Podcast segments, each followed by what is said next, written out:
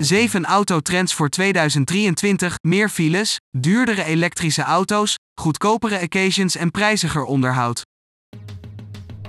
De Nederlandse autobranche werkt zich in de slotfase van 2022 uit het dal waar het al ruim twee jaar in verkeerde. Volgend jaar zet dat herstel door, zo verwachten analisten van ING in een dinsdag gepubliceerd rapport.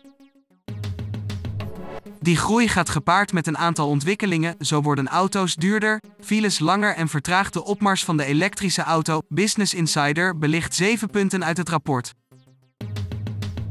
Een van de belangrijkste dingen die ING constateert is het groeiende aantal auto's dat in Nederland op kenteken gezet wordt. Dat komt volgens de bank niet per se omdat we allemaal nieuwe auto's aan het kopen zijn, maar omdat de orders die al lang bij de fabrikanten in de boeken staan eindelijk uitgeleverd kunnen worden.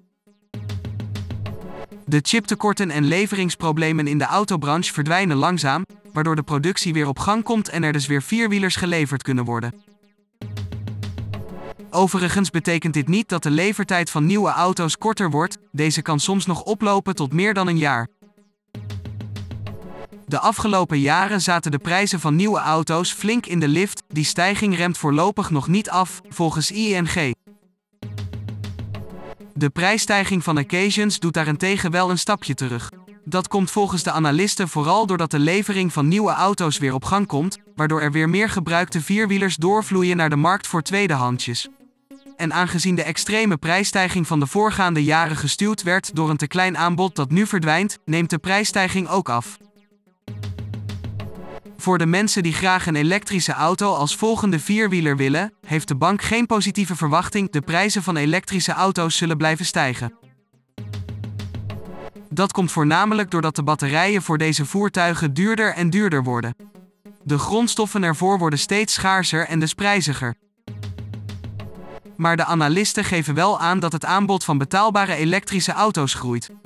Er is dus meer keuze in de lagere prijssegmenten. Daarbij komt ook dat de Chinese automerken volgend jaar goed vertegenwoordigd zullen zijn in Nederland. Het doel is om tegen 2035 alleen nog maar nieuwe elektrische auto's in de showrooms te hebben. Alle auto's die vanaf dat jaar verkocht worden moeten dan uitstootloos zijn. In Nederland zijn we al gestaag op weg naar dat aantal, maar de snelheid van de groei gaat er wel uit. Dit jaar zaten we op 22% van de nieuwe verkochte auto's, volgend jaar komt het in de buurt van een kwart. Volgens de analisten komt dat vooral door de hogere prijs en de afnemende mate waarin de overheid de overstap naar elektrisch rijden fiscaal steunt. Daardoor leunt de groei van het aantal elektrische auto's vooral op de schouders van grotere bedrijven die hun leasepark willen verduurzamen en dus alleen nog maar elektrische auto's opnemen. Particulieren spelen nog geen grote rol. Naast dat de elektrische auto duurder wordt in de aanschaf, doet het laden van deze voertuigen ook steeds meer pijn in de portemonnee. De hoge energieprijzen maken een volle accu in sommige gevallen zelfs duurder dan een volle tank benzine. Over het algemeen blijft de thuislader degene die het best af is. Zeker met het energieplafond dat volgend jaar ingaat. Zonnepanelen helpen ook om de kosten te drukken. Toch ziet de bank een afname in de groei van het aantal thuisladers. Steeds meer elektrische auto's komen terecht in woonwijken, waar huizen geen oprit of plek voor de deur hebben om een laadkastje op te hangen. Met de stijgende kosten voor het bezitten en kopen van een auto, vinden mensen het steeds prettiger om de kosten een beetje te spreiden en overzichtelijk te houden. Het voor langere termijn huren van een auto voor privégebruik wordt ook volgend jaar weer wat populairder, zelfs ondanks de negatieve aandacht voor private lease.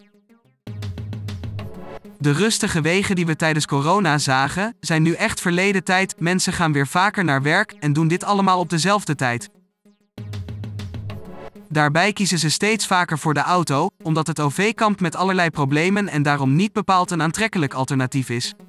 Het resultaat is dat we met z'n allen vaker en langer in de file staan. In november van dit jaar zo'n 2 miljoen minuten. Dat is meer dan in 2019 voordat corona de wereld in de houtgreep legde. Daarnaast verwacht de bank dat we weer vaker in de auto te vinden zijn en dus meer kilometers zullen afleggen. In 2023 zou het aantal in personenauto's afgelegde kilometers weer uit moeten komen tot boven pre-corona-niveau. Het Nederlandse wagenpark veroudert, dat betekent dat er meer onderhoud nodig is. Je zou denken dat garagisten daarvan profiteren. Toch stelt ING dat dit niet het per se het geval is, want het dealerrendement neemt niet toe aangezien de prijzen ook voor hen stijgen. Dat komt onder andere doordat onderdelen duurder zijn geworden als gevolg van leveringsproblemen en chiptekorten. Zo zijn prijzen van banden in de afgelopen periode met zo'n 20% gestegen, stellen de analisten van ING.